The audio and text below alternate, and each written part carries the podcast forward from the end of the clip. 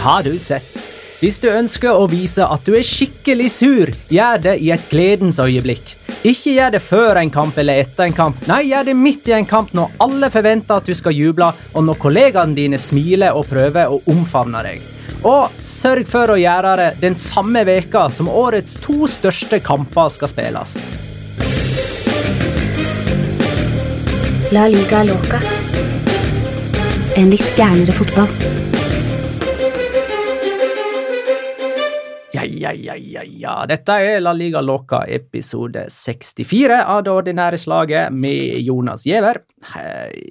Gammel vane. eh, med Tobias Storhuste Dale. Hei. Hei, hei, hei. Og. Petter Wæland. Hei. Hallo!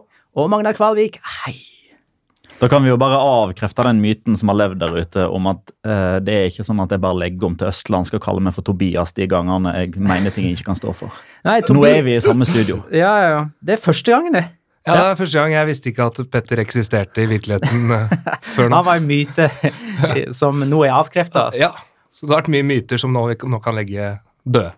Hva er det som skjer med Jonas, da? Han er ikke skral, tror jeg. Nei, er det ikke jobbing, kanskje? skral og ikke sjuk, annet enn at han er så sjuk at han skulle se på noe eventspill som Ranheim og litt sånn. Ja, han jobber med Jobb norsk fotball. kalles vel det. Jobber med norsk fotball òg, han. Ja, Noe som han faktisk får penger for. Ja, ja, allsidig. Eh, mens uh, Ja, skulle, skulle jeg sagt noe mer? Skulle vi ha småchatta mer?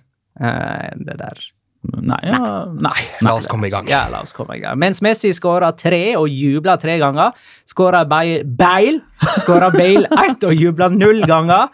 Og det var attpåtil et straffespark mange mener aldri burde ha blitt dømt.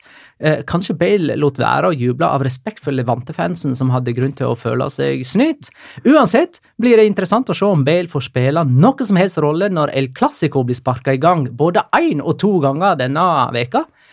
Eh, hvem av Valencia og Real Betis trekker det lengste strået i den andre Copa del Rey-semifinalen denne veka? Og nå er Chetaffe nummer fire i La Liga, og deres sterkeste konkurrent heter Alaves.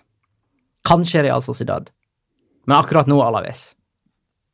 Så der har du ting å snakke om. Yes, det har vi. Skal vi begynne med den kampen som heter Levante Real Madrid 1-2? Skal vi se, Martin Hellerud, jeg går rett på et lite spørsmål. Hva skjer egentlig med Gareth Bale? Virker sur, spiller dårlig og sta er stadig skada. Kanskje Real Madrid vil selge han, men hvem vil egentlig legge så mye penger på bordet for han? Eh, skal vi ta en recap her, for Ja. deg som ikke har sett det? La oss gjøre det. Eh, Bale starta jo på benken igjen, eh, og denne gangen så var det mm, ren benking. Eh, ikke noe sånn rett etter skade eller rett før eller etter landskamper eller noe i den duren. Eh, Real Madrid med spillefri midtuke i forveien. Eh, så det var rett og slett bare det at Lucas Vasques ble foretrukket av Solari. Um, det har skjedd noen ganger tidligere òg.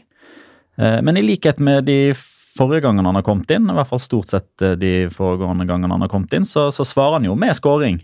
Um, men i den siste perioden nå så har et par lagkamerater uh, sagt noen ting om Gareth Bale i media som han da åpenbart ikke har likt. Eh, Dette er rapportene fra Marca og Rogones uh, etc. Som kommer nå etter Som kommer som en eh, forklaring på, på, på, på det som Bale skjedde med etter straffeskåringen. Ja, mot Levante. eh, for eh, normalt sett så tar jo Ramos straffene. Han var suspendert eh, mot eh, Levante. Eh, Benzema tar straffene når Ramos ikke spiller. Han tok den første straffen og ble bytta ut når Bale kom inn. Eh, Så da er Bale tredjemann i køen når Madrid får straffe, så han tok straffen. Og jubla ikke, eh, snarere tvert imot. Han var sint og sur og lei seg. Skubba Lukas Vaskes unna. Eh, akselererte vekk fra eh, de tiljublende lagkameratene. Spytta litt sånn vekk fra de og, Og Luka Modric gikk jo bort han etterpå, før uh, spillet ble satt i gang igjen, og spurte liksom hva er dette her, og ga han en klem uten at han fikk noe særlig respons der. Og, og Det sies da at uh, han er lei seg og sur og skuffa over at han uh, blir satt på benken i en kamp der han mener at han skal starte, for han mener at han er bedre enn Lukas Vaske, så Venicius. Eh, han mener at han leverer når han først får muligheten. Uh, Skårer jo som innbytter mot Atletico og mot, uh, mot Levante, og det var en kamp rett før der òg. Han òg skåra som innbytter. Uh, og så er det òg som sagt dette her med, med, et par ting som har blitt sagt i media, som han uh, visstnok ikke har tolka så veldig bra. Det er Courtois og Marcelo som visstnok skal ha sagt ting i diverse intervjuer. Courtois skal ha sagt at de kaller han bare for golferen i, i garderoben, fordi han bruker veldig mye tid på golf. Uh, og det er jo sånt som spanske journalister og, og spanske kommentatorer sånn bare elsker å spinne videre på. Blant annet Josep Pedrerol som, som, bare, som bare sier at det, det, du sliter med ryggen og du sliter med skader. Det er ikke bra å spille golf, Gareth, sitter jo han og sier i Fordi han da får den informasjonen her fra Courtois. Og Marcelo som òg en, en, form for eh, Om det var kritikk eller om det bare var liksom spøkefullt, men det, det gikk på engelskbruken til Bale, og at han ikke snakker spansk, og at han ikke klarer å kommunisere ordentlig med lagkameratene. Hvem var det som sa at han eh, gikk og la seg klokka ti mens var, resten av laget hadde middag? Det var Courtois. Ja, det var Courtois. Stemmer. Ja. Det, var, det var Bale og Cross det som la seg uh, da. Jeg er helt enig med deg, forresten. Jeg syns det å ha middag kvart over ti på kvelden er seint. jeg forstår deg, jeg. Um, Men du har ikke lagt deg kvart over ti? Det har jeg aldri gjort, tror jeg. Nei. I voksen alder, i alle fall. Um, hva var det jeg lurte på? Han hadde jo den derre merkelige gesten etter Atletico-skåring, eller skåring mot Atletico òg. Ja, hva de kaller det for noe? Korte ja, de manga? eller noe sånt? Liksom det med å slå seg sjøl på albuen mens man har, ei strak håndflate opp uh, mot uh, publikum i dette tilfellet her. Ja. Uh, som man jo er som, under etterforskning for, og som man kan bli straffa for. Som er et ganske stygt visuelt uttrykk, eh, visstnok. men dette var jo før Courtois og Marcelo hadde sine uttalelser. Ja, det var så, rett og slett eh, bare denne, mot Atletico-fansen? Ja, så det, Ja, var det det? Ja. Hvorfor det, egentlig? Jeg mener Courtois fikk nå gjennomgå mye mer enn Bale i den kampen. Ja, for å si det sånn. Og, takla Courtois det bedre. Det var, jo liksom, det, det var jo på en måte den reaksjonen der som ga uttrykk for, der han ga uttrykk for en form for misnøye, som leda til en hel masse spørsmål til andre Real Madrid-spillere fra eh, pressen. Hva er det med Bale? Mm. Så han har jo på en måte vekka diskusjonen om seg sjøl til live, og så skal han reagere på svaret etterpå. Det blir jo kjempesnodig. Hva syns vi for øvrig om at uh, denne form for misnøye skal på død liv uttrykkes ved skåringa? Jeg kan uh, svare først. Jeg personlig er utrolig lite fan av det. Jeg, men jeg så uh, Uten sammenligning for øvrig, men det var en liten debatt på dette her blant norske journalister i i forbindelse med uh, Joshua King uh, sine feiringer. Og det var jo delte meninger om det, men jeg har ikke noe særlig sans for det. Jeg synes uh, Det jeg kanskje har minst sans for, er at han skubber bort sin uh, høyrekantkonkurrent uh, Lucas Vaskis. Det er bare dårlig mm, lagkameratskap. Ja. Jeg tror vi deler det synet, altså. Eh, det er ikke det er en annen ting da, som folk vil at vi skal snakke om. Roger André Lassen vil at vi skal snakke om Casemiro sitt, sin forbanna dive, som burde gitt han gullkort, men som ga Real Madrid straffe og tre fryktelig ufortjente poeng. ja. Jeg merker at vi må tilbake til Bale etterpå. Minn meg på det. Uh, okay. nå, nå, jeg gikk fort fram nå. Men uh, straffen til Casemiro, da. Uh, der er det en Levante-spiller som sparker hull i lufta, spør du meg. Eh, Casemiro slenger seg. Videodommer ser på det. Etter at dommer har dømt straffe for det. Eh, og gjør ikke om på den opprinnelige avgjørelsen. Det blir dømt straffe. Og vi har blitt spurt mange ganger eh, jeg har på en måte lett sånn, sånn videodommerspørsmål ligge eh, i La Liga Loca en stund nå, bare for å, å, snakke minst mulig om det. Men vi har snakka ganske mye om videodømming, syns jeg. Ja, vi har det. Men mm. noen av spørsmålene har gått på det der med at eh, Bør det være sånn at eh, videodommer skal vurdere situasjonen og tenke er det her opplagt feil eller opp, ja, opplagt feil, eller burde han få lov til å tenke dette her er i mine øyne ikke straffe, dermed så bør det ikke bli straffe. Skjønner du hva jeg mener? Altså, Ja, det er jo et spørsmål om hvordan protokollen skal være. Ja. Eh, og jeg syns denne straffesituasjonen på en måte understreker den problemstillingen. da. At eh, når videodommer sitter og ser og tenker dette her er egentlig ikke straffe, men det er ikke en horribel feil å ikke dømme straffe her heller. Mm. Eh, og dermed blir det straffe. Ja, Det er jo òg det som er kimen til eh, diskusjon. Nettopp det at man ut ifra protokollen og ikke skal gå inn på sånne subjektive avgjørelser, eh, interpre interpretable, som vi har eh, nevnt som et spansk ord som blir brukt. Uh, og det er jo litt av eh, å si, utfordringa og, og litt av det som IFAB uh, må, må ta stilling til når dette skal vurderes, eh, enten etter inneværende sesong eller etter neste store mesterskap eller, eller etter den første store skandalen. Eh, hvordan skal protokollen faktisk være? Fordi jeg føler at når man, når man diskuterer disse situasjonene her, så glemmer man av og til å klargjøre prinsippene for hva man faktisk diskuterer. Fordi det er veldig mange som, eh, som mener at, eh, i likhet med deg, Magnar, at eh, sånn protokollen er nå, sånn bør den ikke være. Eh, og jeg er enig i at VAR kunne fått mer makt, og at dommerne litt oftere burde ha brukt monitor, men nå, nå er jo en gang protokollen sånn. Eh, og, og, det å da eh, bruke masse tid og energi på at sånn, sånn burde det ikke vært etter, etter hver enkelt sånn situasjon. Da føler jeg at vi, vi bare gjentar oss sjøl til det kjedsommelige og, og, alltid røre rundt den samme grøten og komme tilbake igjen til den samme konklusjonen som at ja, her kunne det sikkert blitt gjort annerledes, men sånn som VAR-protokollen er nå, så skal det ikke gjøres annerledes. Hva syns du om straffesituasjonen, Tobias? Nei, altså, jeg, jeg prøver å være objektiv, så objektiv jeg kan. Ja, Eh, du, du er jo, har et Barcelona-par-auge. Ja, det, Men, altså, jeg, jeg, jeg, det- veit, vet ikke. Jeg, jeg blir vel kanskje beskyldt for det, men jeg, jeg vet ikke. Eh, Det som eh, jeg ser på Twitter, er at det, er, eh, det har vært forklart på forskjellige måter hva som faktisk skjer. Jeg er litt opptatt av det. Hva er det som skjer her? Jeg mm. synes, Det er Doro- Dokoré som uh, sleiver med ball. Ja. Han sleiver med høyrefoten, så står han på stamfoten, og for meg ser det ut som at Casemiro løper inn i stamfoten hans, at han ikke treffer høyrebeinet i det hele tatt. Henger dere med? Skjønner dere hvordan jeg beskriver situasjonen? At Eh, han svinger med beinet, og så løper, eh, løper Casemiro og snubler i, eh, i Stamfoten? til ja, i, i, i venstrefoten som står på bakken, stamfoten. Så Ja. at han snubler i hælen. Det er godt mulig det er feil. Men ja. hva tenker dere om det? Kan det Altså, se sånn ut? Casemiro holder seg jo til høyrefoten. Uh, og det Ja, er den som man da angivelig blir sparka på. Så jeg, hvis, hvis Casemiro er ute etter å skape en situasjon som ikke er der, så gjør han i så tilfelle alt riktig med at han, eh, han, han rekker å tenke hva for en fot han skal holde seg til for at dette skal se plausibelt ut. Eh, det jeg eh, tenker oppi denne situasjonen her, det er at ehm, eh, det er ikke så kort tid igjen av kampen til jeg syns at Casemiro bør være så desperat etter å filme seg til straffe at han løper den risikoen at han må stå over El Clásico helga etter. For det er jo en ting som, som heller ikke blir eh, vurdert av noen i form av dette. Er det filming, er det overdrivelse, var det kontakt, var det ikke kontakt? Eh, her er det, her er det eh, en situasjon som jeg syns er eh, klinkende klar.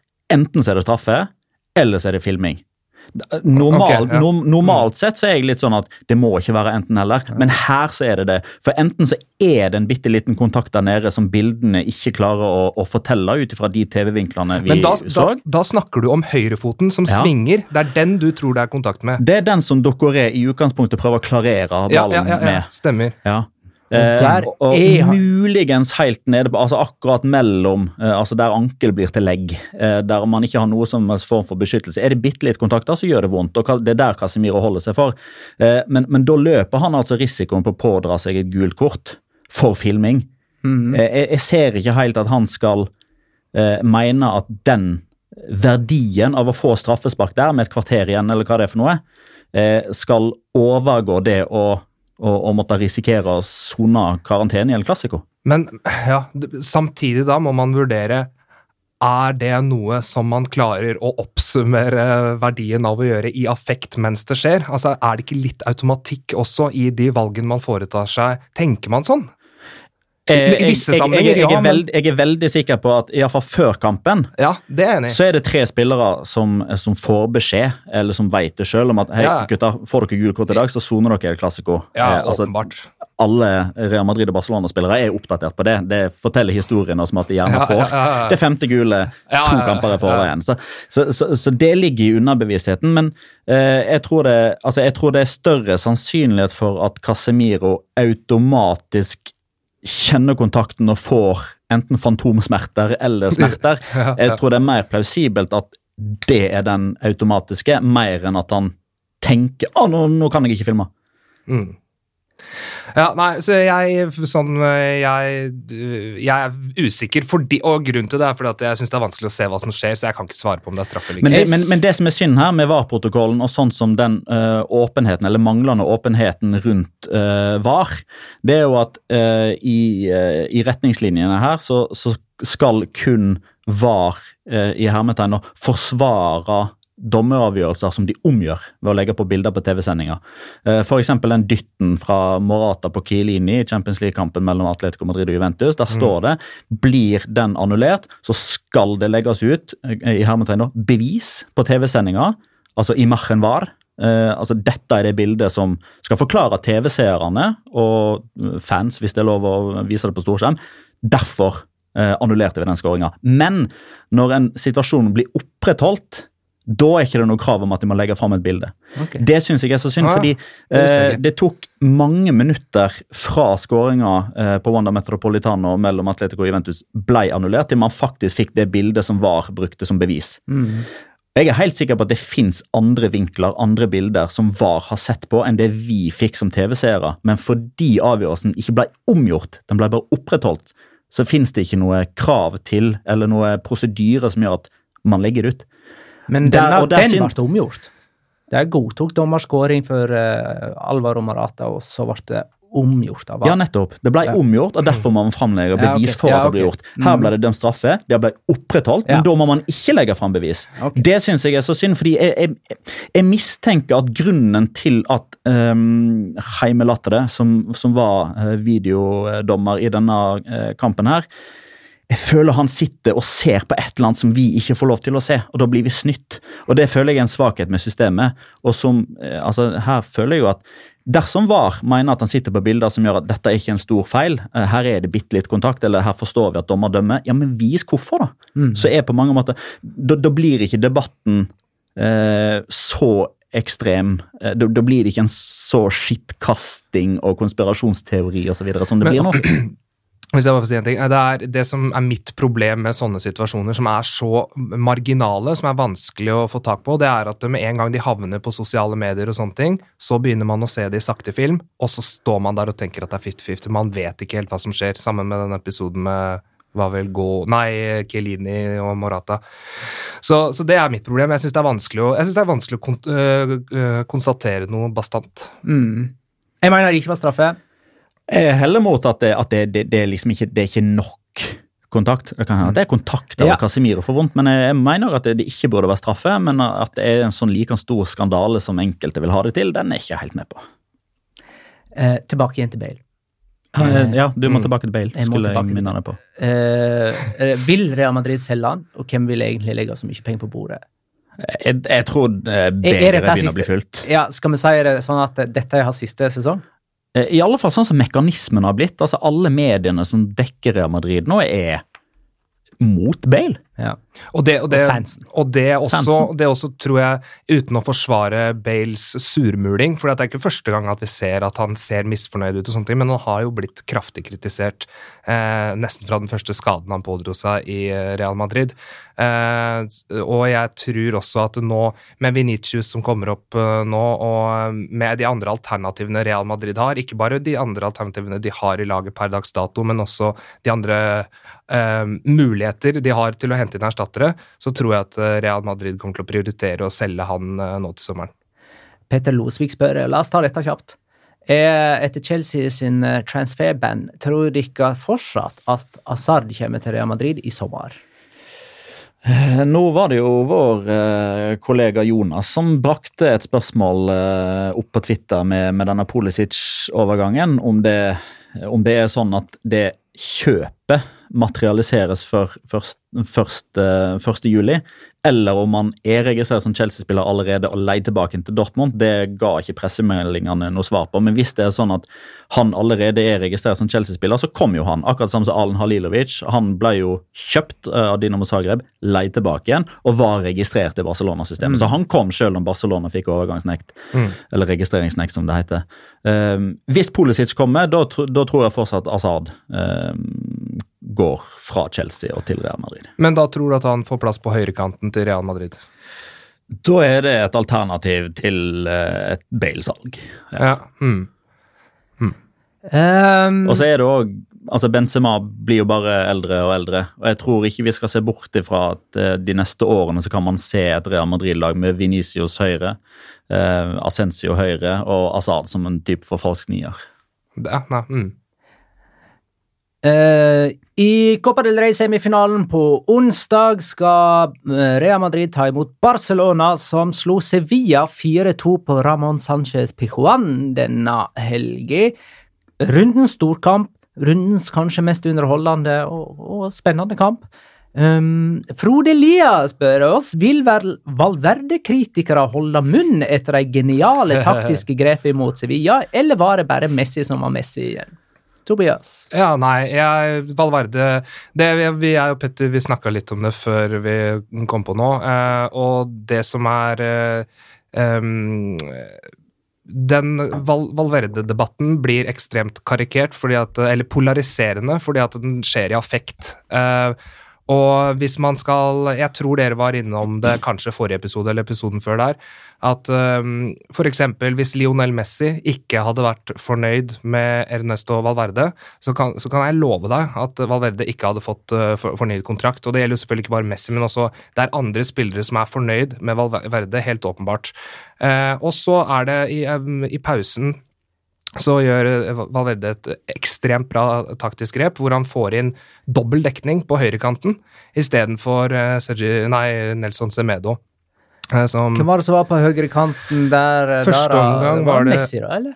Det var vel Ja, altså, altså, det var jo, Messi det var jo Messi på papiret, men han ligger jo ikke ute til høyre. Nei, så da ble jo Semedo helt alene der. Så fikk du Sergio Roberto og, og, Dembélé, og Dembélé på høyrekanten i andre omgang. Og det som er, da, det er at Valverde har han har vunnet ekstremt mange taktiske dueller, men så må det jo fortsatt være, gå an å kritisere aspekter ved Valverde. Valverde eh, jeg vet ikke, Skal jeg si hva er personlig Eller Ja, ja, altså Personlig så tror jeg at nå som man bygger opp til en fremtid uten Lionel Messi, så tror jeg, for, for å si det veldig kort oppsummert, jeg tror den um, jeg, jeg tror grunnen til at Barcelona var så ekstremt dominerende eh, rundt sånn 2009 og noen år senere med Pep Guardiola, handla om at de hadde det suverent beste systemet og de suverent beste spillerne. Så det som må gjøres nå eh, fremover, det er å spre kvaliteten utover. Og så må du også få et system som er eh, mer velfungerende enn det, du, enn det de har i dag. For selv om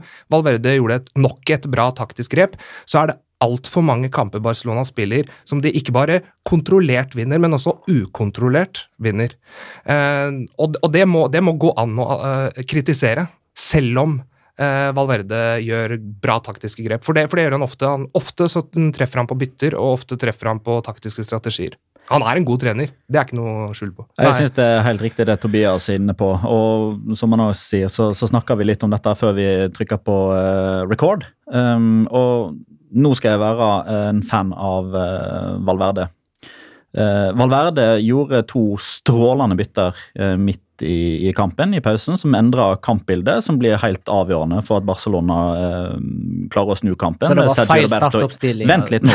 Sergio Roberto og Osman Dembélé kom inn, og Alenya kom inn. Alle tre spiller avgjørende rolle for at eh, Barcelona snur denne kampen, ved Lionel Messi. Nå er jeg eh, Valverde-kritiker. Eh, Han starta med helt feil lag. Hvis Sergio Roberto og Osman Dembélé hadde spilt fra start, så hadde de vunnet denne kampen uten problemer, og Alenya kom inn altfor seint. Ja, men sånn er det! Jo. Sånn er det! Og, og da Enten så- rekker Tobias Nei, nei, nei, jeg, etter at Petter er ferdig med sitt Da har jeg noe å si. Gjør deg ferdig. Men det føler jeg er veldig mye av problemet med den polariserende uh, Valverde-debatten. At du har én gjeng på den sida her som har bestemt seg for at Valverde er dårlig og gjør alt feil. Som ser alt ut fra det narrativet, ut fra det synspunktet. Og så har du de andre som skal uh, forsvare Valverde uansett, som ser det på et helt annet vis. Og man klarer eller vil eller eh, ser ikke poenget med å prøve å se ting fra begge sider. om at ja, Noen ganger så gjør Valverde feil, noen ganger så gjør Valverde riktige ting. Men se hvor, se hvor Barcelona er, da. De er regjerende La- Liga-mester, de er suverene serieledere nå. De er eh, på god vei til kvartfinalen i Champions League. Styggripa i lakken i Roma i fjor, helt enig. Vant Copa del Rey forrige sesong og skal spille semifinale denne sesongen. Og Messi og alle de store figurene, karakterene i Barcelona-garderoben, vil ha han med videre. D- eh, For å si det sånn, da. eh, I 2017, hvis man spoler tilbake til sommeren 2017, og så hadde du spolt tilbake fram i dag, så, så tror jeg at eh, enhver Barcelona-supporter hadde tatt det med åpne armer. Men og, det er ekstremt imponerende. Det, henger også sammen med at Real Madrid nesten litt uforklarlig har fått en svikt. De har hatt sine dårligste perioder siden kanskje forrige årtusen, og det mener jeg helt seriøst. Eh, men, eh, men, men det som er litt av problemet, det er at han starter med Rakitic og Arturo Vidal. De to spillerne han, han, og, det, og det gjør han også ofte. Han starter med spillertyper som er like. Valverde altså Nå skal ikke jeg sitte her og belære han, han kan 100 000 ganger mer fotball enn meg, men han må lære seg å spille med spillere som utfyller hverandre ferdighetsmessig, og de fellene har han litt for ofte gått i, spør du meg. Og Vidal er jo en Valverde-signering. Ja, altså han, han, han blir jo på mange måter 18-19-utgaven av Paulinho. Han blir jo det, Men- som var en Valverde-signering. Ja, kom inn samtidig, Ja, iallfall. ok. ja, det er litt vanskelig å si Ja, hvem som er- bestemmer kjøp og sånt. Ah, eh, det, skal, så, så det det kan kan ikke jeg nok om til å svare på. Ja. Eh, Messi skåra, og så skåra Messi, og så skåra Messi. Og så assisterte Messi eh, Luis eh, Suárez. Dette var Messi sitt eh, 50. hat trick i karrieren. Eh, La Leo Loca 03 vil at vi skal snakke om eh, verdens femte beste spiller, som har 48 målpoeng på 32 kamper, bemerker han. Ja Han skåra på hvis, hvis, han hadde vært, hvis han hadde vært hockeyspiller i NHL, så hadde han kanskje vært nummer fem der òg, i antall målpoeng. Hadde Lionel Messi vært eh, hockeyspiller i NHL, så hadde aldri noen spillere resten av verdenshistorien båret drakt nummer ti. Det er i hvert fall 100 sikkert. Eh, og så så jeg at eh, den gamle Sevilla-helten Fredrik Canote eh, eh, hevdet nå at uh, hvis man mener at noen, noen Hvis man mener at Lionel Messi ikke er tidenes beste fotballspiller nå, så er det rett og slett flaut. Han skåra på volley med venstre, han skåra med breisida med høyre, og så en chip alene med keeper. Noen vil jo hevde at dette er det beste hat tricket de har sett noen gang. Den er litt vanskelig, syns jeg. Ja, hva- Eh, den den lar vi ligge, for det Ah, finnes ah. sånn type eh, høyre, venstre og hode, hat trick og Ja, men det har diverse. ikke han. Nei, Det har han faktisk ikke. Nei, sant, så han har ikke tid med hat trick. vet du. Men- Det, det, det, det er tre ting som gjenstår for han. Det er liksom det man karakteriserer som perfekt hat trick. Direkte fra corner og fra egen halvdel. Det er de tre tingene han ikke har gjort. Resten har han gjort. Ja. Eh, han fikk jo spørsmål Han ble intervjua etter kampen. Hey! Ja, fy søren! Ja, fy søren! Skulle til å exe ut denne Strive-fanen, og så gjorde jeg ikke det. For deg. Og du, for en, for en fantastisk oversetter du er, Magnar. La det ligge. Ja, okay. Eh, det han fikk spørsmål om, et av spørsmålene han fikk, det var at Ja, kan Barcelona nå prioriterer Copa del Rey-kampen mot Real Madrid, ettersom de har en så stor luke i La Liga, og dermed heller nedprioriterer La Liga-kampen mot Real Madrid, som er eh, lørdag? Eh, jeg tror han, svar, han svarer sikkert sånn lært eh, at eh, ingenting prioriterer, blitt prioritert over noe annet. eh, det, eh, alltid er neste kamp den viktigste, og den slags. Men har likevel journalisten, spørsmålsstilleren, et poeng. Det står 1-1 etter første kamp på kamp nå mellom Real Madrid og Barcelona. Altså ja, eh, Jeg tenker eh, at eh, jeg, Hvor mange ser du? 25? 25 nå? Ja, det er mange runder igjen. Det er 13 runder, og mye kan skje. Jeg, jeg tror ikke at det seriegullet er avgjort ennå. Det er sju poeng sant? ned til Atletico, det er vi enige om. Ja, og der er det blant annet eh, Barcelona har fortsatt et ganske tøft kampprogram. Eh, De har hjemmekamper mot f.eks. Atletico Madrid, og så har de tøffe bortekamper eh, mot f.eks. Real Betis og Villarreal, som Villarreal har kjempegode spillere. Der er er det nesten sånn at du når som helst kan snur mentaliteten i Villarreal, så er de gode nok til å slå Barcelona. Så Hva var spørsmålet? Om de kommer til å prioritere Ja, at er, er, Av Det er disse to kamp, Ja, ikke sant? Ja. Det er det som er, pro, det er, det som er proble problemet, og det er det som kanskje også kan ødelegge litt der. Eh, prestisje overvinner fornuften, tror jeg, kan, eh, tror jeg kan skje. Så det at man nedprioriterer eh, El Clásico, det skjer ikke. Det er aldri opplevd. Det kanskje i den treningskampen, idiotiske treningskampen hun spilte i USA ja. Champions Cup, eller hva er det? International Mm. Champions. Championship. Ja. Nei, altså, jeg, altså, for å si det sånn, da. Altså, hvis dette her hadde vært et tenkt scenario der Valverde kun kunne bruke Uh, La oss si at det, uh, det er kun sju spillere som kan spille begge kampene. da. Altså Hvis han hadde fått en sånn problemstilling. Da ville jeg ha prioritert cupkampen, fordi et tap der, da er man ute. Et tap eh, på lørdag, så er man fortsatt minimum fem poeng foran, eh, eller, eller seks poeng foran Real Madrid, og minimum eh, fire poeng foran Atletico Madrid. Så et, et tap, hvis man tar den negative inngangen, vil jo ha større konsekvens på onsdag.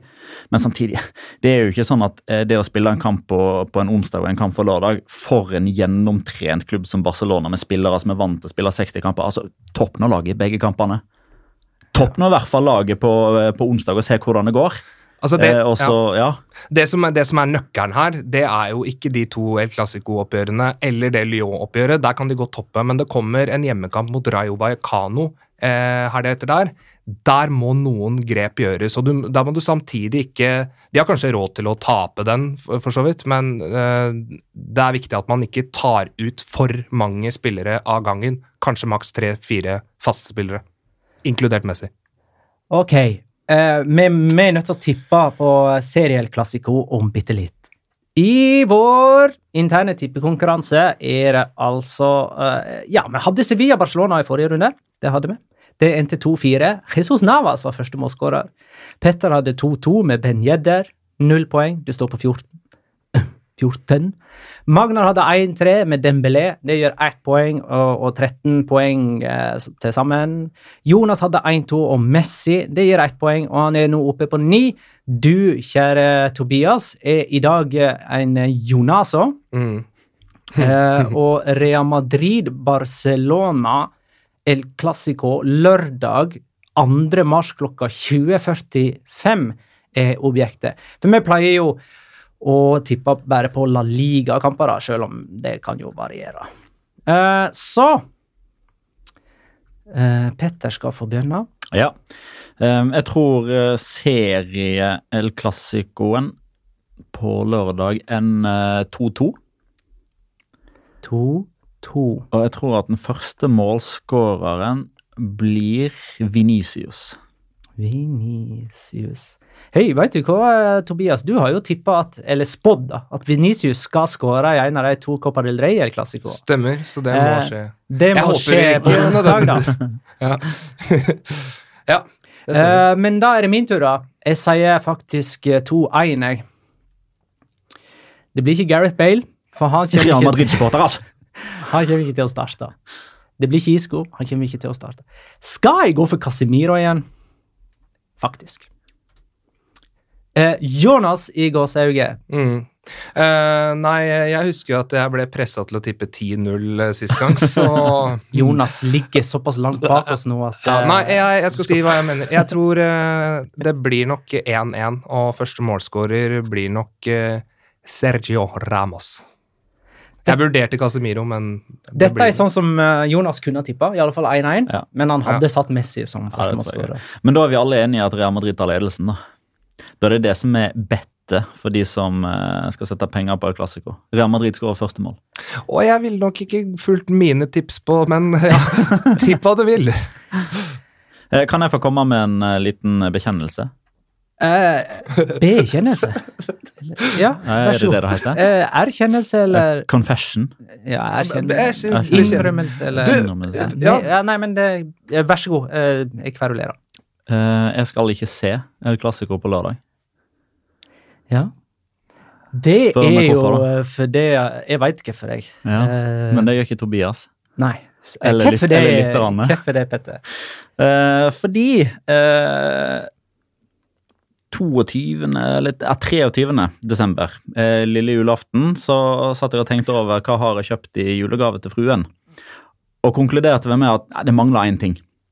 Eh, for at jeg liksom kunne være fornøyd på mine vegne med, med tingene jeg hadde kjøpt til fruen. Eh, så jeg tenkte ja, men vi kan finne på noe sammen og sosialt. Eh, gikk inn på Ticketmaster og sånn diverse og så hva er det som eh, skjer i, eh, i Oslo. Eh, eller om en, eh, om en måned eller to. Eller, ja, litt utpå våren. Når, når våren kommer, og blomster og bier og Ja. Eh, og fant jo da ut at ja, eh, Melodi Grand Prix norsk finale. Uh, fordi Helene, som hun heter, er veldig Grand Prix-fan. Det er ikke nødvendigvis jeg, men uh, blir med på det av og til. Ja, ja, men uh, jeg får ta med på det, da. Og helt ukritisk så gikk jeg inn og bestilte da to billetter til eh, denne Grand Prix-finalen uten å eh, sjekke datoen. Eh, For det er jo da altså da lørdag 2. mars eh, klokka 21.00. Så da går uh, Viasport-Veland eh, hashtag Twitter off. Og Du kommer ikke til å sitte med mobilen og, og kampen i fanget? Nei, det klarer jeg ikke. Nei, det, nei, det, kanskje det blir en sånn eh, altså, I Oslo Spektrum så ser du en sånn klynger rundt uh, telefonen min, der jeg har satt på en klassiko, og så kommer alle de andre mennene som har vært så uh, dårlige til å planlegge, så samles vi midt i Oslo Spektrum og ser El Classico på telefonen min, mens resten sitter og følger med på god eh, musikken. Der er sånn rop om hjelp til de som hører på, som skal dit. Hvem av Real Madrid og Barcelona spiller Copa del Rey-finale? Jeg, jeg har en følelse på Real Madrid. Barcelona. Skal jeg, må jeg jo si. Eh, jeg sier Barcelona. Der, det er bare å trekke Nei, et opp av hatten. Det er helt. Vet du hva? Men Vet du hva, jeg, jeg, jeg, jeg tror faktisk Barcelona har jeg ombestemt meg. Det er Ja. ikke på grunn, men jeg, nei, jeg tenkte på det. jeg tror det. Men, men du, bare sånn før du går videre, det vi skal veldig kjapt, men du husker du at eh, sist gang jeg var her, så snakka du om et eh, Du hadde ikke noe norsk begrep for å choke i Mhm. fotballsammenheng. Mhm. Stagge, kan det, kan det være Ja, Stogge, da, i så fall. For min del. Ja, det, ja for din Som i å stoppe, eller? Det, det veit jeg ikke, Magnar, men Stoggo. Ja, s- øh, stopp, stoppe, ja. Ja, det er stogge. Stagge, da stopper. Midtstoggar, sier vi. Ja, ja, ja. Yes, Det er- takk, for- takk for meg. på nynorsk. Eh, den andre semifinalen. Nå har vi alle landa på Barcelona. De skal møte i finale. Barcelona går til finale. De skal møte enten Real Betis eller Valencia. Og der må jeg, jeg altså, Dette er en annonse, men samtidig eh, Strive er min arbeidsgiver, så hei. Eh, Strive viser òg Real Nei, vent litt. Valencia Real Betis, den andre Copa del Rey-semifinalen. Eh, og Nå skal ikke jeg gå i detaljer på hvorfor de ikke, de ikke viste den første, men det jeg vet er at eh, de gikk ganske hardt inn for å få den eh, første kampen òg. Og det sto ikke på verken vilje eller økonomi. Det er faktisk ganske tricky å skaffe seg rettigheter til Copa del Rey-kamper. Eh, og noe mer enn det kan ikke jeg gå i detaljer, for at det, det der er byråkrati som jeg ikke kan. Det er over hodet på meg. Ja. Uh, Valladolid Real Betis 0-2 uh, og Leganes Valencia 1-1. Uh, det er jo resultatet til disse to lagene i, i helga. I den siste kampen der, Leganes Valencia, der sto det mellom uavgjort og uavgjort, og det ble uavgjort. Vi må være alltid få sagt den. Det er obligatorisk eh, setning. Eh, Men eh, ja, når Reabetis slår Valladolid og har råket ut av Europaligaen, så er vel de nummer fire da i La Liga. Ja, de blir nummer fire. Ja. Ja, de blir det. Så nå er det bare denne midtvekkerkampen her som står i veien for dem. Nå skal de bare sikre en fest på egen stadion i mai. Nemlig, for eh, Benito Villamarin er arenaen for Champions League-finalen. Copa del Rey-finalen. 25. mai, er det? Eller det er etter at er ja. altså, serien er ferdig. Lørdag 25. mai. Helt riktig. Mm. Ja. Ja, skal vi spå? Hva vi tror? ja, vi kan ta litt uh, om eh, status i lag og, og um, uh, styrker og svakheter her. Én ting, hvis vi skal ta Betis først, da. Dette med eh, det tette kampprogrammet deres, eh, som framover ikke vil være så tett, det slår meg at det har egentlig en ganske brei stall. For eh, det var bare tre forskjellige spillere som starta både i returoppgjøret mot Renn på torsdag, og så mot Valladolid. Hva var det? Det var Canales, William Carvalho og Aisa Mandi som skåra et briljant mål mot Valladolid for øvrig. De hadde til og med en forskjellig keeper, Pao Lopez sto jo en kanonkamp mot Mm. For øvrig. Mm. Så det er egentlig ganske De egentlig ganske bra skodd, tenker jeg, Rehabetis, men de varierer likevel, da. Ja, det men det, det er fordi de har hatt en del skadeproblemer. Både Christian Teio og Junior Firpo har jo vært altså, Og han siste der er viktig. Junior Firpo er meget Der har ikke de god dekning, Nei, altså. de har ikke det. Altså, når de må dytte over Francis Guerrero eh, over dit, eller kjøre Andres Guardado. Altså, Andres Guardado Jeg har aldri sett han så dårlig som han var mot renn. Eh, det må jeg bare få sagt. Um, og altså Betis har jo i utgangspunktet en stall som er, som er veldig bra satt. Jeg syns de mangler, i likhet med Jonas, det har jo vært hans fanesak, jeg synes de mangler en stor, sterk nummer ni som kan ta litt plass. Som kan gjøre det enklere for de andre rappe tekniske spillerne å få kommet i posisjon. Uh, foruten det så, så syns jeg at de har en ganske bra stall, som er ganske dynamisk, der man som regel har dobbel dekning på alle posisjoner. Men da kommer problemet når du får eh, skader på både førstevalget og andrevalget på de to wingback-posisjonene. For både Theo har vært ute, Firpo har vært ute, Baragan har vært ute og Francis har vært ute, bortimot samtidig. Og Det gjør at Joaquin og Guardado har måttet ha spilt wingback. Eh, og i 3-5-2-systemet tilsett igjen, så er wingbackene utrolig dyktige. For når man ikke har den nummer ni til å ta den plassen, så er det ofte wingbackene som gjør at man får det numeriske overtallet, og man setter motstander ut av balanse. Fordi plutselig så kommer det noen som skjærer inn fra sida, og så har man ikke helt kontroll i posisjonsbytter, og det blir dårlige, eller i hvert fall vanskelige forhold eh, rent kommunikativt for motstanderen. Ok, Skal jeg følge han, eller skal jeg overlate han? Skal jeg gi beskjed om at nå blir dette din mann? Eh, og det, det syns jeg egentlig har prega BT sitt den siste måneden. At de har ikke fått den flyten i spillet sånn som de hadde i november og desember. Da syns jeg var fryktelig gode, spesielt når de vant mot Milan, når de vant mot Barcelona. Da var de helt fantastiske, men da stilte de mer eller mindre toppa lag. Eh, så det tror jeg er årsaken til at de har vært litt varierende nå. Ja, eh, jeg bare må si at jeg syns Real Betis har veldig mye spennende spillere. Eh, denne unge meksikaneren. Laines. Eh, han Han er spennende. 18 år? Ja, ja, ja 18, 18 år. Ehm, eh, han er vel kanskje Det er kanskje litt tabloid å si, men kanskje La Ligas st Ja, det veit jeg ikke om jeg skal si. Men, kan, ja, jo, ja, jo, ok, ok, greit at de er like gamle. Nå skulle jeg si beste 18-åring, men greit. da, Men uansett, utrolig spennende spiller. Uferdig, selvfølgelig, men han tror jeg kommer til å bli kjempegod. Sergio Canales, vet du hva? Han, han, må, han må jo spille mot Norge. Han, han, han, må, jo være så god nå. Jeg, vet du hva, jeg er sånn seriøst, han er eh, Han er så eh, Ja, altså, jeg, tenker på han og pa, Paulo Sarabia. Mm. De eh, må være utrolig nærme en eh, plass. Så var det én ting til, jo selvfølgelig eh, Los Elso. Mm. Så de- og- Som ikke starta mot Bayern Nei, Nei, han ble spart. Nei, men, men, men altså, sånne spillere kan jeg ikke huske at eh, Real Betis uh, har hatt siden jeg var barn og ikke så Real Betis, men hørte om De Nilsson og sånne ting. Så kan jeg ikke huske at de har hatt så gode spillere. Men det, men det jeg syns har skjedd med kanalet, han har blitt så kjapp. Spesielt med ballen i beina. Altså, han er fantastisk til å føre ball i høy fart. Altså, Se den jobben som han gjør på 2-0. Altså, Mm. Sånne har han hatt veldig mange av, men som man ikke har snakka om fordi det har endt i bom eh, av mannen som har fått ballen fra Canales. Jeg syns det var ankepunktet mot Canales, spesielt rett etter disse kneskadene hans. han, han var, det var sånn sirup. Ting gikk litt for sakte. Eh, men om han eh, Det har jeg ikke fått nøsta opp igjennom, men om, eh, men om han har lagt om kosthold eller trent spesifikt hurtighet eller noe sånt altså Det, det må han jo nesten ha gjort, fordi det er mye natt og dag. ut. Mye Ja. mer muskuløs, mye mer kjøtt på føttene. Vanskelig å få ut av balanse. På, på den målgivende Jeg bare satt, jeg gjorde noen notater da jeg så den kampen. og Det bare skrevet sånn Fantastisk målgivende av Canales. Frisk, energisk, teknisk, fremoverretta, bra overblikk. Men det som er greia, da, det er jo den energien, og jeg tror at du kan spe på en dash med mentalitet også. Det er alltid sånn. Eh, gode prestasjoner skaper selvtillit, og så får du eh, Han er jo rask, og jeg tenkte faktisk på det, men jeg har liksom aldri oppfatta han som sånn veldig rask, egentlig. Men veldig energisk, i hvert fall.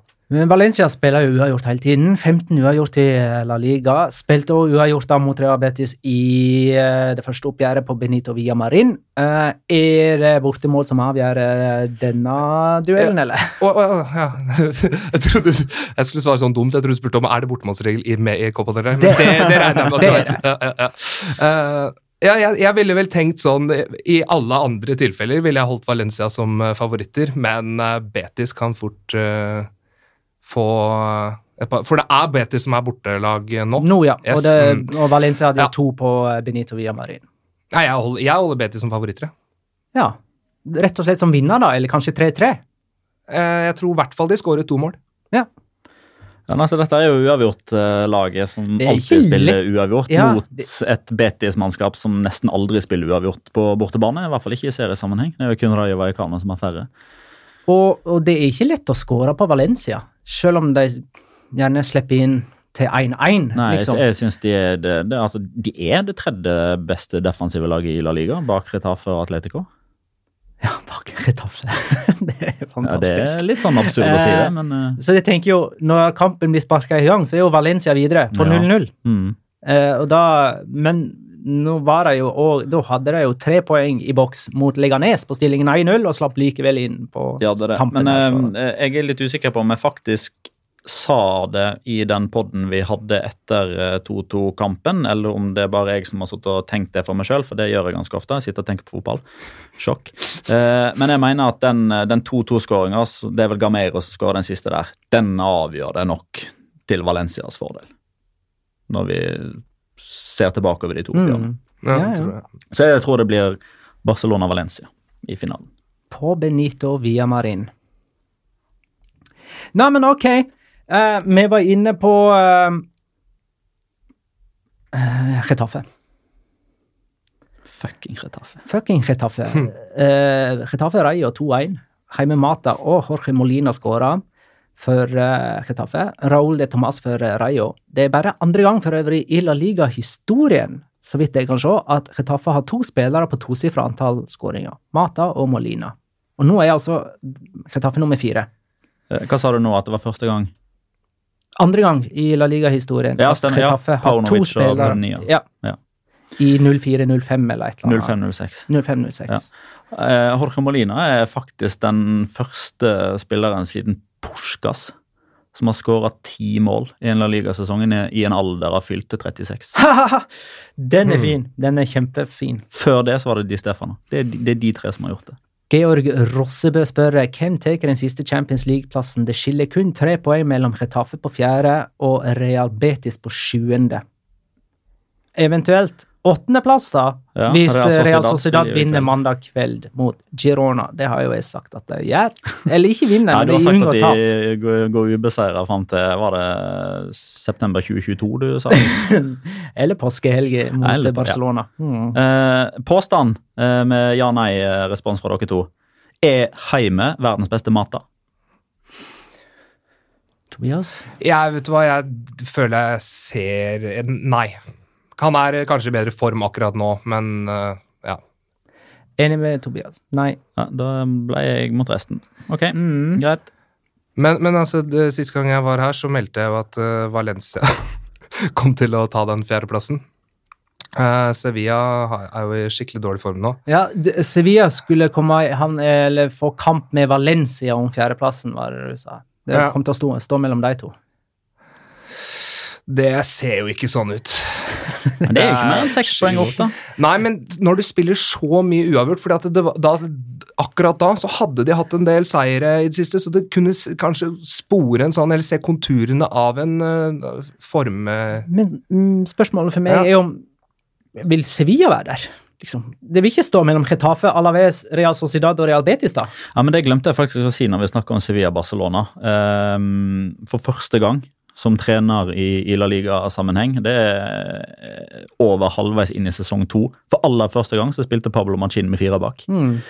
Eh, og da er vi Hmm. litt sånn tilbake igjen til det vi kritiserte Marcelino for eh, når de tapte borte mot Alaves. Altså, så skal du plutselig begynne å gjøre ting helt annerledes når du møter antageligvis den jeg håper å si, verste motstanderen du kan møte. Altså, er det da du skal begynne å gjøre ting som du ikke er vant til, ikke er komfortabelt med?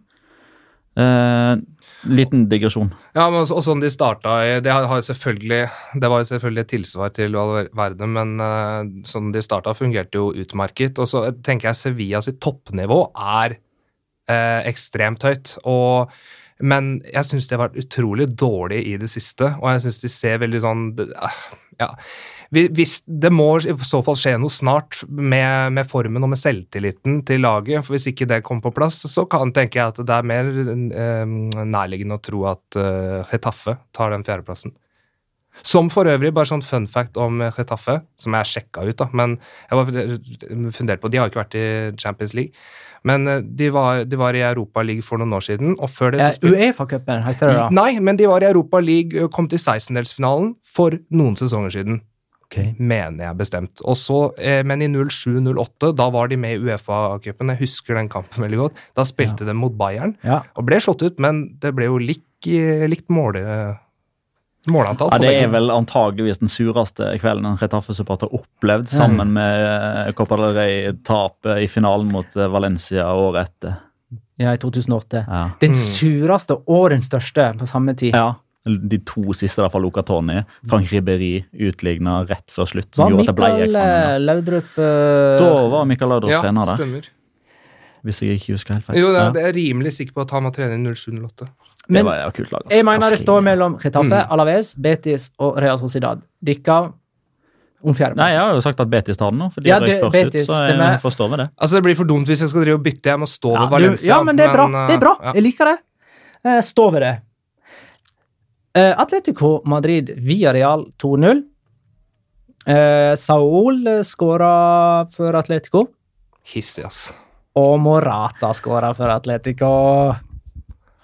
Det, Den- den den fortjente Morata. Ja, ja, så Ja, definitivt. Men den, den, den lå litt i korten òg, syns jeg. Altså, det, det det var var noe uforløst der med altså, skåring annullert mot Real Madrid og Juventus. Snitt for, snitt for straffe mot Betis, så hadde han en målgivende mot eh, Rayo Vallecano. Det det har vært et eller annet med Morata-skåring hele tida, uten at det er han som har fått den.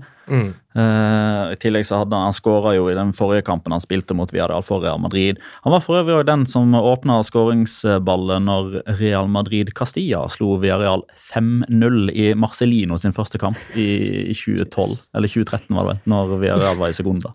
Er du Sånn glad, er du, Petter, glad for at Villarreal er videre i, i Europaligaen?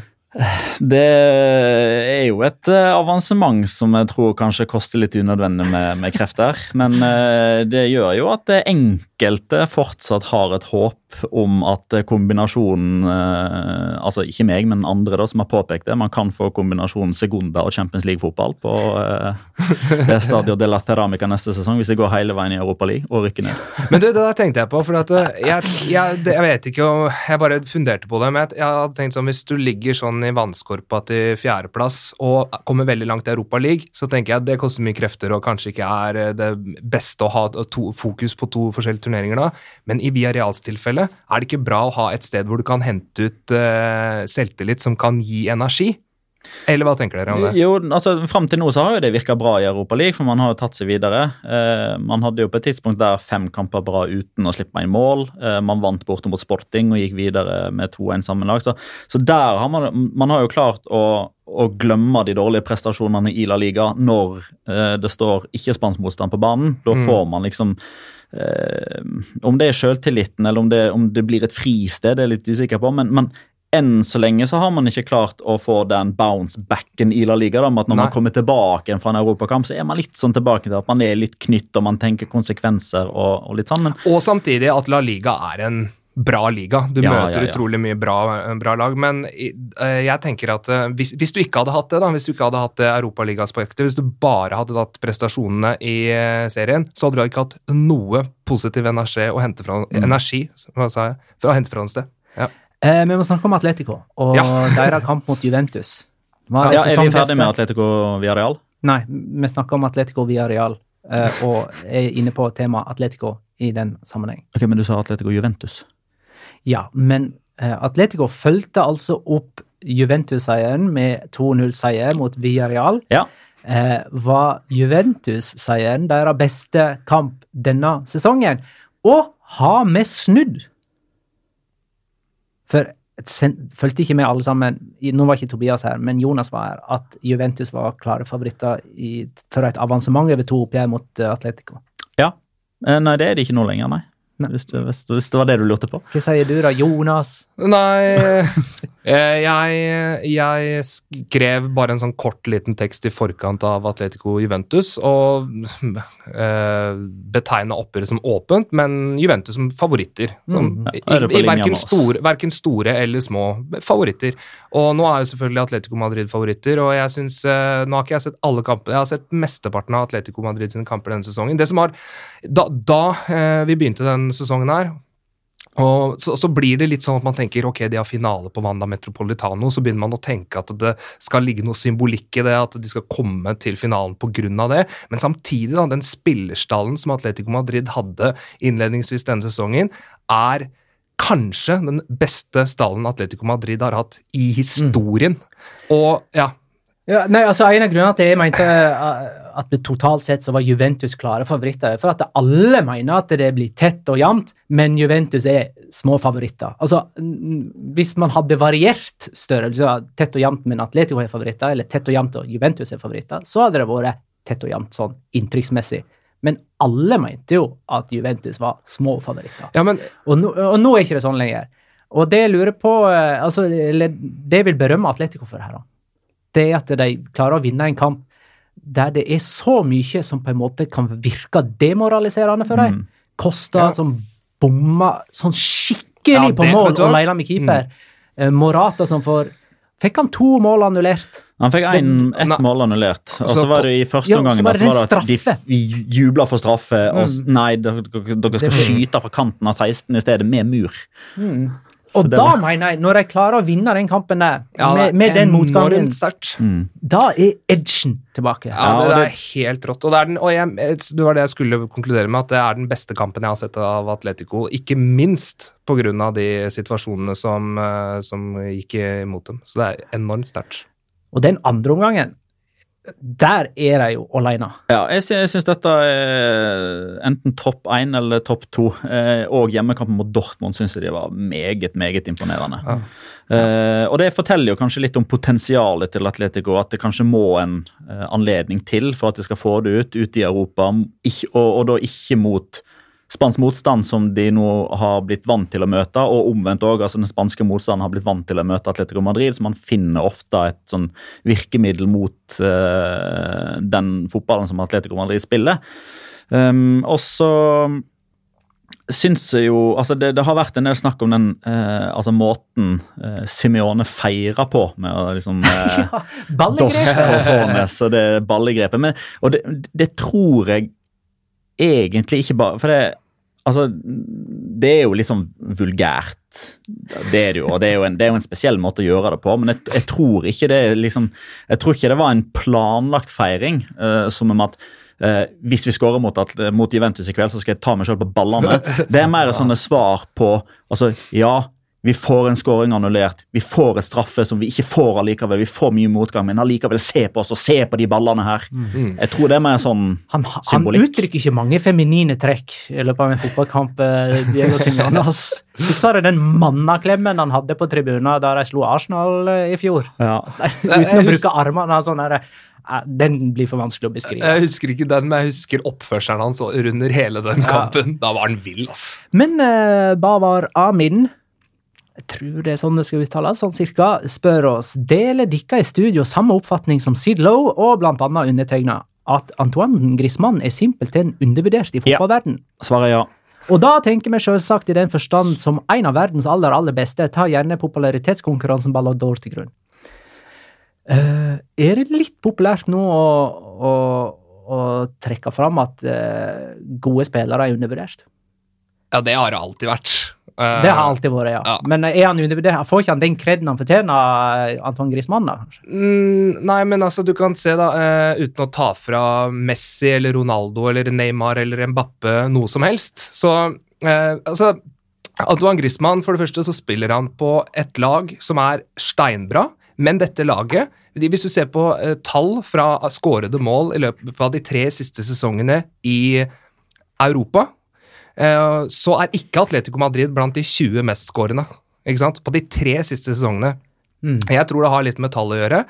Eh, og så eh, er han ikke med på Fantasy Premier League og sånne ting, og det tror jeg også har eh, litt å si. Eh, men eh, altså, Petter eh, dro fram noe statistikk på Twitter for, forleden dag med antall skåringer, og du ser det også. I absolutt alt Atletico Madrid foretar seg offensivt, så er Antoine Griezmann involvert.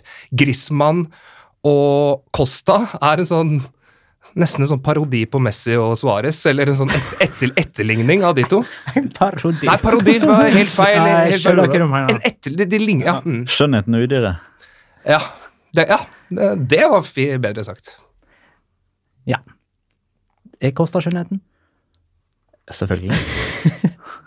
Skal vi ta runden eh, for øvrig? Ja, men jeg må bare få ta en, eh, en liten ting. For jeg har eh, eh, DM-a eh, litt med Alexander Larsen, uh, som er Atletico Madrid-supporter. Vi kjenner godt til han, aktiv og fin fyr. Ja. Um, og han uh, har um, Skal du si noe? Jeg Har det noe med Atletico sin enorme statistikk med mot Frente Atleti Ja. Det har faktisk det. Ja. Det Nei, har den kan- alt med det å gjøre. Alexander Larsen spør jeg. Har vi noen tanker rundt eh, Atletico sin enorme statistikk med mot Frente Atleti? Altså denne supportergruppa bak det ene målet? Til høyre på TV-skjermen. Ja. Ah. Frente Atleti, altså Når de spiller mot den supportergjengen, så har Atletico 28-5 i målforskjell. Eh, og i andre retningen så har de 10-6. Mm. Og det blir enda bedre hvis du drar det ut over alle turneringer. Og Ja, for eh, dette var begge sesongene. For mot Fond og Sor så har de 54-8. Og mot Fondo Norte så har de 30-16. Det er en enorm, enorm forskjell. Spiller de alltid mot Høyre i første omgang?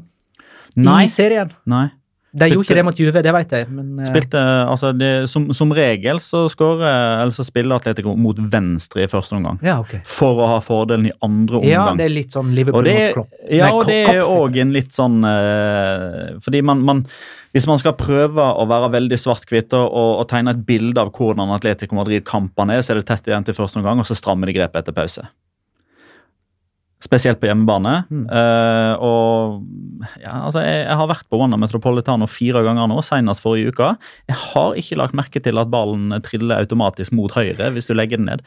Uh, men, men, det er jo, men det er jo sånne ting som uh, altså I utgangspunktet så er jo altså den statistikken som er begynt å føre i VM 2014, med om mål skåres mot høyre eller venstre på TV-skjermen, det, det er jo vanligvis helt intetsigende, spesielt når man spiller på en nøytral bane. Da har det absolutt ingenting å si. Da er det ren bingo. Men i seriesammenheng så er det ikke det, spesielt ikke på hjemmebane.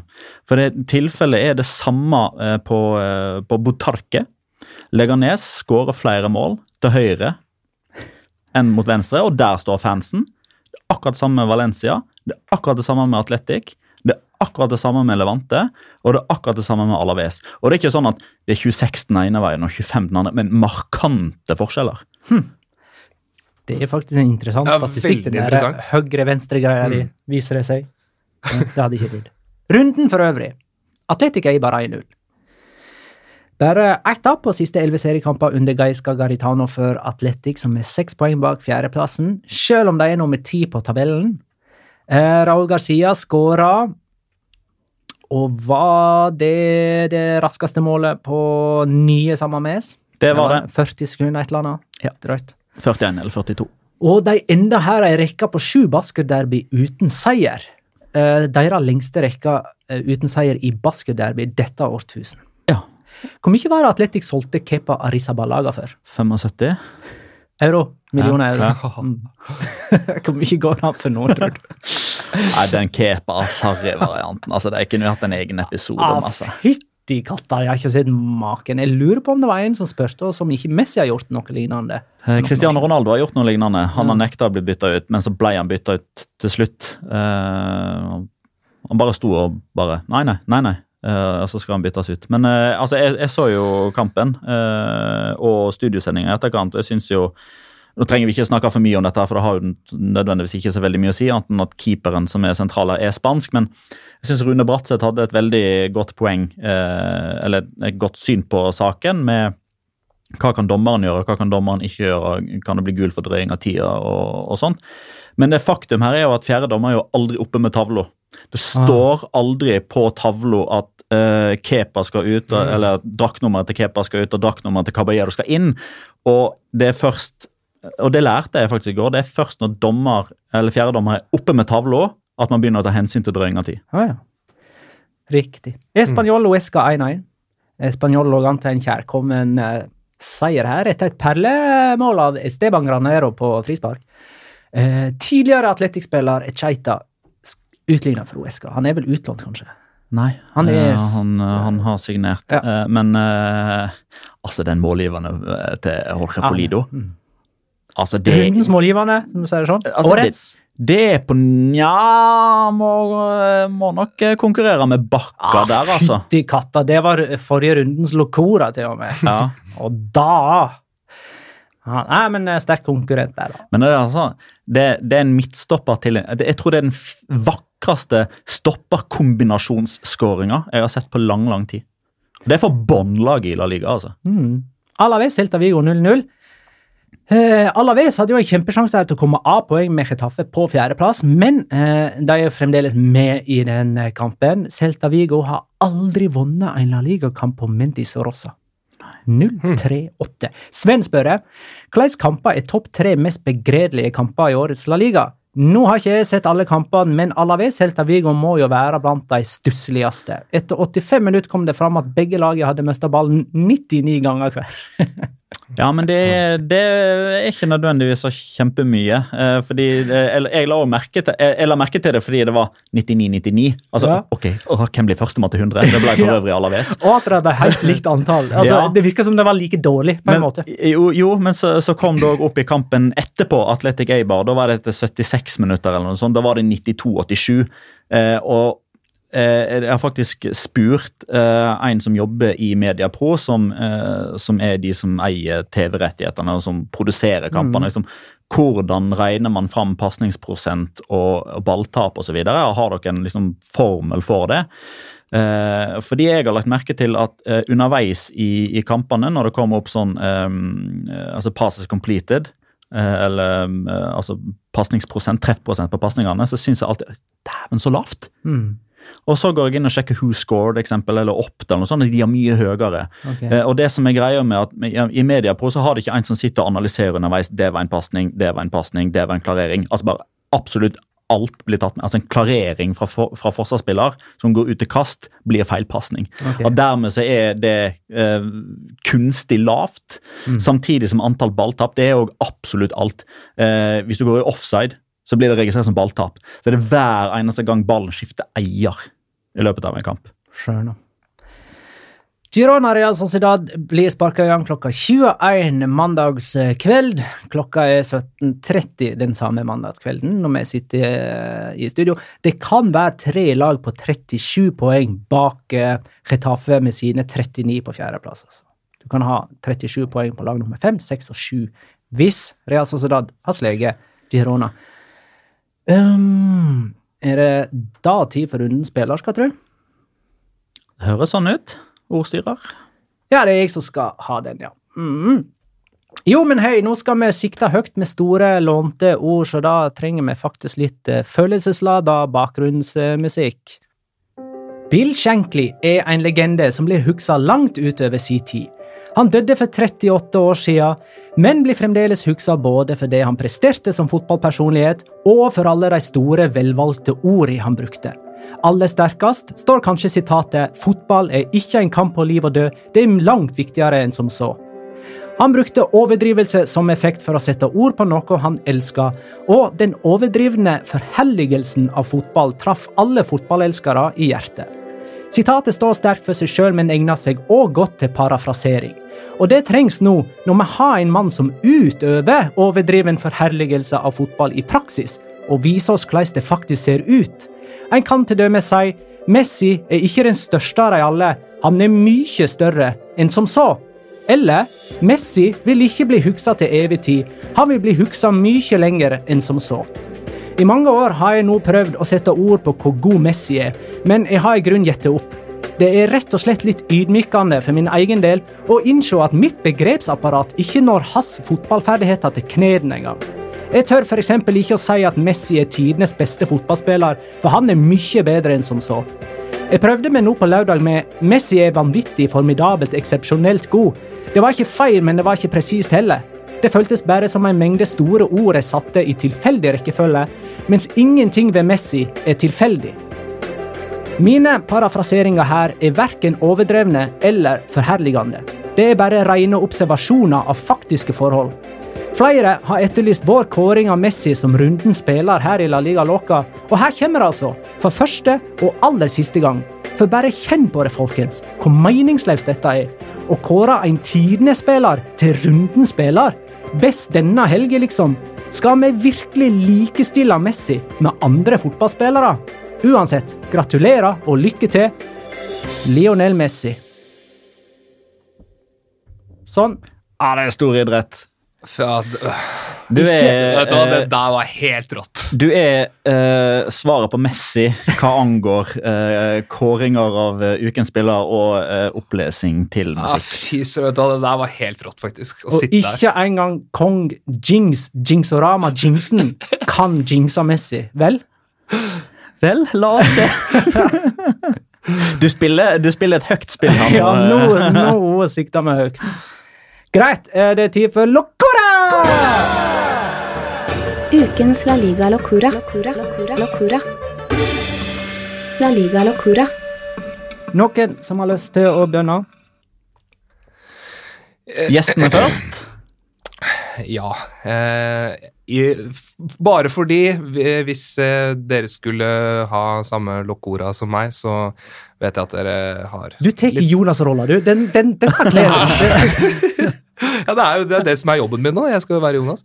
Nei, altså, det er jo sånn at eh, jeg eh, har jo fått noen invitasjoner til eh, det jeg vil anse som verdens beste fotballpodkast på norsk noen ganger tidligere. Og da har jeg fått litt kort varsel. Ikke klekka ut noe locora. Ja, ja. Men nå fikk jeg noen dager på meg, ja, det er bra. og da, og da tenkte jeg at eh, det kan tenkes at dette blir eh, Hvis jeg skulle bli velsignet med en invitasjon til La Liga Loca igjen, så, så, så kan det tenkes det blir på kort varsel. Så det kan tenkes dette er min eneste eh, Locora noensinne.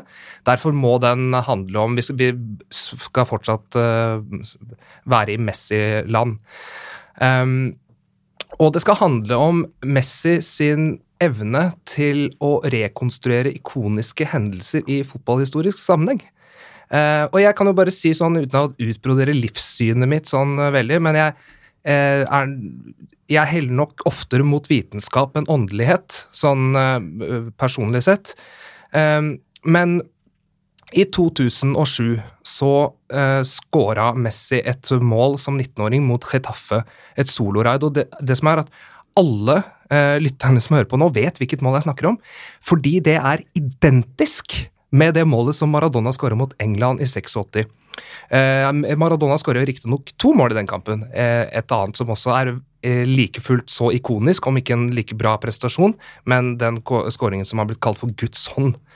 Og i 2007 så eh, skåra Messi også med hånda, som i i aller høyeste grad må betegnes som Guds hånd, mot Español. Lille, uskyldige Messi skåra med hånda. Det er, det er litt merkelig.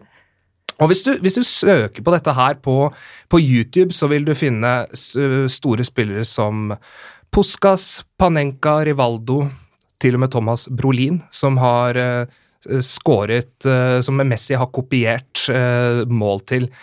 Um, Messi eh, har jo også, eh, for noen år siden, det var vel i ja, var det i 2016, tro, mot Celta Vigo, hvor han assisterte Luis Suárez fra 11-metersmerket. Det samme gjorde jo Johan Cruyff i eh, 82. Fra Så der- Ajax. For, for Ajax mot Ja. Helmond Sport. Der har du, har du altså eh, den største spilleren på 80-tallet og den største spilleren på 70-tallet, kanskje, som Messi har kopiert. Eh, Messi har også skutt under muren, slik Ronaldinho, kanskje 2000-tallets største spiller, gjorde i, eh, mot Verde Bremen i 2006. Så Messi har altså kopiert tiårets største spiller, i, i, i tillegg til at han selvfølgelig har skapt eh, masse eh, historiske, ikoniske øyeblikk selv, som Mm. ingen andre har eh, etterlignet enda.